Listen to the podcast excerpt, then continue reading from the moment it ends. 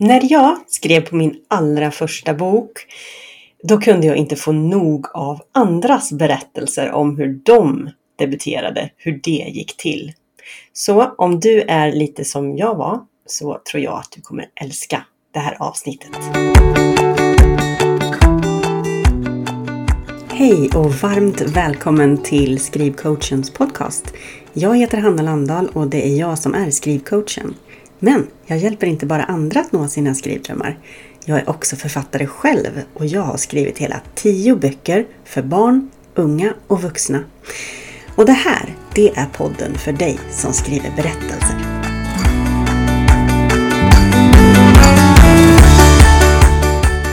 Innan min första roman blev antagen av ett förlag så kunde jag liksom inte få nog av de där berättelserna, du vet, det, alla de där berättelserna om andra författare, deras resor mot att bli författare. Och jag googlade efter de här, jag knarkade de här berättelserna. Um, för det, är, det var liksom genom de där berättelserna som jag kunde hålla min drivkraft uppe. För jag tänkte att kunde de, ja men då kunde jag också såklart. Så nu tänker jag, nu när jag är författare, så tänker jag att det är väl inte mer än rättvist att jag nu delar med mig av min berättelse. Och det var så här då att jag har eh, inte så som många andra författare alltid skrivit berättelser. Jag eh, kan faktiskt inte ens minnas att jag tyckte det var speciellt roligt att skriva just berättelser i skolan. Däremot så vet jag och jag minns tydligt att jag har alltid liksom älskat att skriva. Men för mig så har det mest handlat om att skriva dagbok. Det har, under hela min uppväxt har jag skrivit dagbok.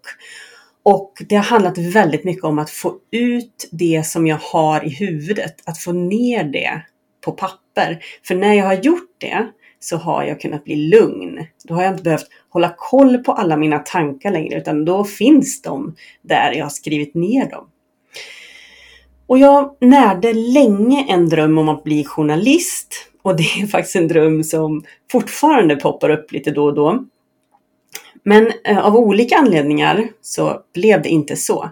Istället läste jag på universitetet, eh, då läste jag statsvetenskap och jag läste också pedagogik senare. Och eh, jag har haft väldigt många olika jobb under åren. Jag har haft väldigt många olika yrken också. Eh, och det här har varit ganska jobbigt för mig. Jag har eh, liksom inte riktigt vetat hur jag ska förklara det här. Eh, varför det har blivit så. Men liksom, jag, kan, jag ska inte gå in på det nu. Det kommer ta hela dagen om jag ska stå här och berätta om mitt yrkesliv som jag upplever som inte sådär jätteframgångsrikt. Men ja, man kan säga så här, man kan sammanfatta det med att ja, det har varit ganska svårt för mig att hitta någonting som verkligen passar mig i yrkeslivet. För jag är en rastlös person och jag tröttnar fort på saker jag gör. Så är det. Jag blir väldigt snabbt uttråkad. Uttråkning är liksom min största fiende och det har alltid varit så för mig. Men en arbetsuppgift som aldrig har tråkat ut mig, det är att skriva. Och då menar jag inte att skriva berättelser, för det gör det naturligtvis inte. Tråkar inte ut mig, jag har aldrig gjort. Men innan jag började så, så var det också så att andra arbetsuppgifter som jag hade, till exempel att skriva myndighetsbeslut eller rapporter eller blogginlägg, vilket jag också har gjort ganska mycket genom åren.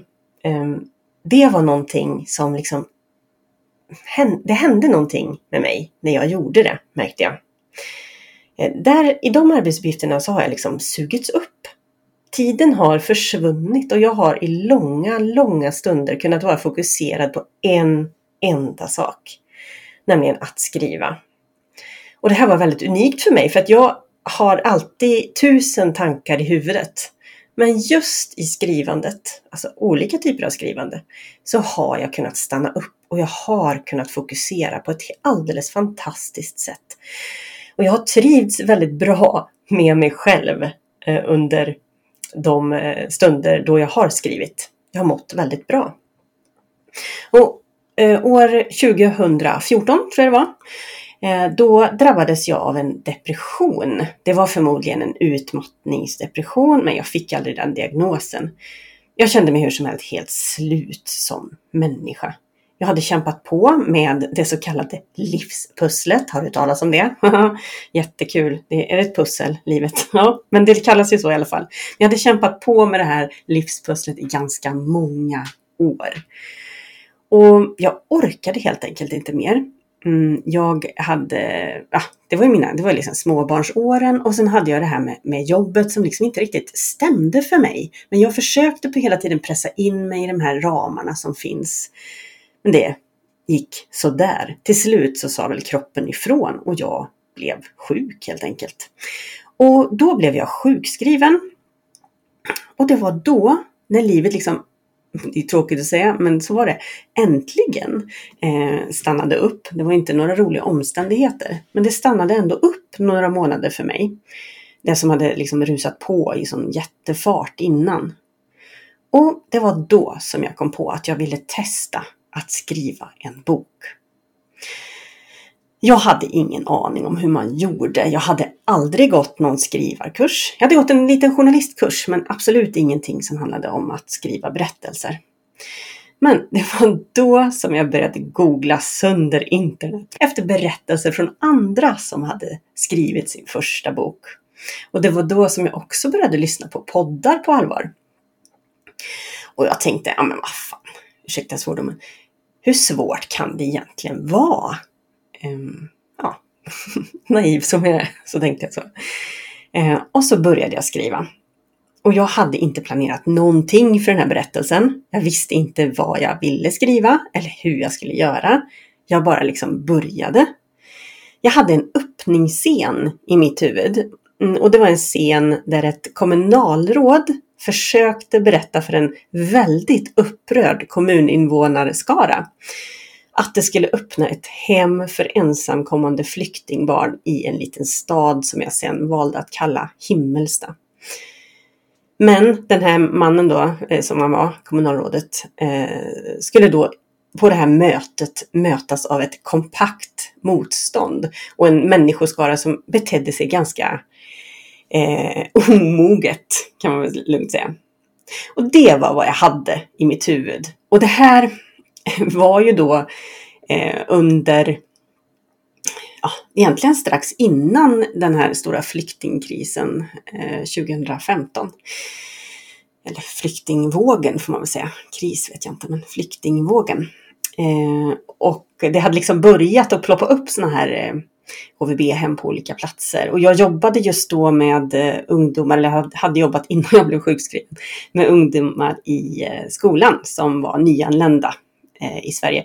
Och jag upplevde, jag hade hela tiden en känsla av att jag hade svårt att liksom få dem att få ut dem i samhället. Jag upplevde att det fanns ganska mycket motstånd. Och det var väl det här motståndet som jag kände att jag ville skriva om. Så jag hade den här öppningsscenen eh, då Eh, och jag började helt enkelt skriva på den. Och även om jag idag inte alls skulle rekommendera det här sättet att jobba, alltså att bara skriva på någon slags intuition och inte planera någonting, så funkade det för mig just då, där jag befann mig i mitt liv. Ehm, jag har aldrig gjort så här igen, att jag bara liksom har börjat skriva utan att ha någon plan. Men det gick bra. Eh, jag började skriva och jag kunde inte sluta. För väldigt snabbt så märkte jag att jag älskade det där. Och jag märkte också att jag var ganska bra på det. Och det kan låta klyschigt, men jag skrev mig bokstavligen talat ur min depression. Eh, för i skrivande så hittade jag den där fristaden som jag så väl behövde i det där skedet av livet som jag befann mig i just då med små barn och ett arbetsliv då som jag berättade om inte hade trivts sådär jättebra i. Eller ganska uruselt faktiskt om jag ska vara ärlig. Men som jag hade tvingat mig själv att försöka passa in i. Och men i skrivandet, där blev jag liksom fri. Fri från alla de här destruktiva tankarna som jag hade, som annars malde runt i mitt huvud och liksom aldrig liksom gav mig ro. Mm, I skrivandet så var jag fri att bara vara. jag vet att det låter pretentiöst när jag säger det här. Jag inser det, men det var verkligen så. Ehm, så jag skrev och skrev trots att jag inte visste vad jag höll på med. Och samtidigt som jag skrev så läste jag framför allt Stephen Kings bok Att skriva. Och har du inte läst den så vill jag verkligen rekommendera den. Och jag läste den flera gånger om och jag använde den lite som min bibel. Jag eh, följde Stephen Kings råd väldigt noggrant. Eh, och eh, ja, det låter liksom nu lite ganska romantiskt det här när jag berättar om det här och jag förstår ju också att det här är lite av en efterhandskonstruktion. Min bild av hur det var när jag skrev min första bok. För samtidigt som jag älskade det på riktigt så insåg jag ju att det också var väldigt svårt, att jag inte kunde det här riktigt. Ehm, och efterhand så tröt ju förstås inspirationen och jag var, liksom tvingades börja planera naturligtvis, för det måste man göra tids nog. Eh, och jag ville ge upp emellanåt och ja. Men jag gjorde inte det. Jag gav faktiskt inte upp. För den där initiala känslan som jag hade eh, när jag började skriva, den gjorde sig ibland påmind också i de där jobbiga stunderna. Och jag gjorde mitt bästa för att påminna mig om varför jag skrev. Och jag skrev bara för min egen skull. Och sen blev jag klar då. Ehm, och precis, alltså jag blev klar, men jag blev kanske inte klar, men jag, jag upplevde att jag blev klar. Jag hade en hel berättelse. Och, och precis som de allra flesta debutanter gör, eh, så skickade jag mitt manus till alla förlag jag kunde hitta alldeles för tidigt i skrivprocessen. Jag skickade det efter att jag bara hade redigerat det en enda gång tror jag. Jag lät några kompisar läsa. Mm, men jag är ju då en rastlös person, säger jag det igen. Eh, så jag vet att jag inte ens kunde vänta på att alla svar skulle komma in. Jag hade någon kompis som eh, sa till mig så här, eh, jag, jag kan läsa ditt manus men jag läser en annan bok nu så du får vänta den kompisens kommentarer läste jag aldrig kan jag säga. Ja, och eh, jag förstår ju att så här, nu vet jag ju, och jag kanske även visste då, men nu vet jag ju att så här ska man ju inte göra. Såklart. Man ska ju låta sin text ligga och vänta och man ska redigera den många gånger innan man skickar den till ett förlag. Men även om jag hade förstått det då på riktigt så hade jag nog ändå struntat i det för jag var så ivrig. Och det här med att vänta, det är verkligen inte min påse chips. Det är det värsta jag vet. Och då kan du säkert förstå hur jobbigt jag tyckte att det var sen när jag väl hade skickat mitt manus till alla dessa förlag. För vad händer då? jo, då måste man vänta. Då måste man vänta jättelänge på att få svar på, från förlagen. Ja. Och eh, där satt jag då och kollade min mailkorg. Jag tror jag började kolla den liksom en halvtimme efter att jag hade skickat iväg manuset. Och undrade, har de inte läst? Har de inte hunnit läsa än? Det hade de ju inte gjort då. Det var ingen som kastade sig över mitt manus där hos förlagen. Eh, och, och, och, då måste jag faktiskt berätta det här också, att det här är inte jättelänge sedan. Jag skickade in det där manuset 2015 tror jag. Eller var det. Eh, men eh, jag hade... Alla förlag hade då inte mail. De tog inte emot manus via mail. Så en del, man, eller en del, till en del förlag fick jag skriva ut manuset och skicka per post. Och det gjorde ju saker att det liksom inte gick direkt snabbare då. Eh, så, även om det bara är några dagar. Men då kunde jag inte vänta på vändande mejl i alla fall. ja, usch, det var jättejobbigt det där. Och månaderna, de rullade väl på då sen efterhand. Jag hittade väl någonting annat att göra och det jag gjorde, det som jag vill rekommendera alla att göra när man väntar på eh, att få ett svar från förlag, det är att skriva på ett nytt manus såklart. Och det gjorde jag också. Så snart så glömde jag väl bort det där lite grann. Men så började refuseringsmailen komma. Jajamän, ett efter ett så dök de upp där i mailkorgen. Ehm, och det var jättejobbigt tyckte jag. Och jag tänkte att jag aldrig någonsin ville utsätta mig för det här igen. Mm. Och ehm, kanske skulle jag inte heller ha gjort det om jag inte hade fått det där efterlängtade samtalet till slut. Och jag kommer aldrig att glömma den känslan som jag hade när min dåvarande förläggare Henrik Selander ringde mig. Eh, det är snart sju år sedan nu och jag minns att jag satt i bilen. Det var på hösten. Och jag hade just hämtat mina barn vid skolbussen. Då bodde jag på landet, eller vi på landet. Det gör vi inte längre. Och jag minns att regnet, det liksom låg tungt i luften, smattrade mot rutan och barnen satt i baksätet och pladdrade på. Helt och hållet omedvetna förstås om vad som stod på spel för mig. Och jag svarade när det ringde. Jag såg inte, eller jag kände inte igen numret såklart. Och jag hörde nästan inte vad personen i fråga sa. Men jag hörde någonting om ett förlag.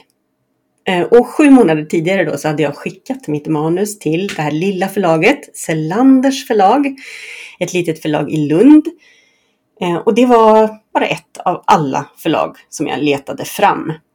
Och nu hade då, när han ringde, Henrik Selander, då eh, hade alla andra förlag refuserat mitt manus. Och jag var på god väg att ge upp. Ehm, och alla hade tackat nej. De flesta hade svarat bara med sådana här eh, vanliga standardrefuseringar att nej, tack. Vi vill inte ge ut ditt manus och jag fick inte så mycket annat. Jag hade fått några positiva kommentarer från no några förlag ehm, och jag hade lite tankar på att kanske skulle jag orka skriva om Eh, såklart säger jag ju nu, men det, där var jag ju inte då. Men, men kanske skulle jag göra det eh, och skicka ut det igen. Men samtidigt så kändes det ganska omöjligt tyckte jag. Därför att inte så himla mycket för att jag inte kunde skriva om. Det kunde jag väl göra. Det tyckte jag kanske kunde vara lite kul till och med. Men att sitta och vänta en gång till i alla de där månaderna. Hur som helst. Jag försökte tysta barnen i baksätet där de satt för att höra vad den här mannen sa. För det var ju uppenbart någonting jag ville höra, det fattade jag ju. Men jag lyckades inte få tyst på barnen, så jag stängde av motorn på bilen och klev ut i regnet. Och där fick jag då veta att Selanders förlag ville ge ut mitt manus om de här tre ensamkommande flyktingbarnen i orten som jag hade valt att döpa till Himmelsta. Och knappt ett år senare, 2016, då kom romanen ut. Och det här var kanske den märkligaste dagen i mitt liv, eh, skulle jag säga. En av dem i alla fall. Och det var starten på något som jag aldrig hade kunnat föreställa mig skulle hända just mig. Eh, men det gjorde det. Till slut. Och eh, ja, resten är historia, som jag brukar säga. Men till hösten kommer faktiskt min tionde bok ut. Stort tack för att du har lyssnat på Skrivcoachens podcast. Vill du ha fler skrivtips? I så fall tycker jag att du ska ladda ner min gratisguide Börja skriv. Du hittar länken till guiden i anteckningarna till det här avsnittet. Vi ses!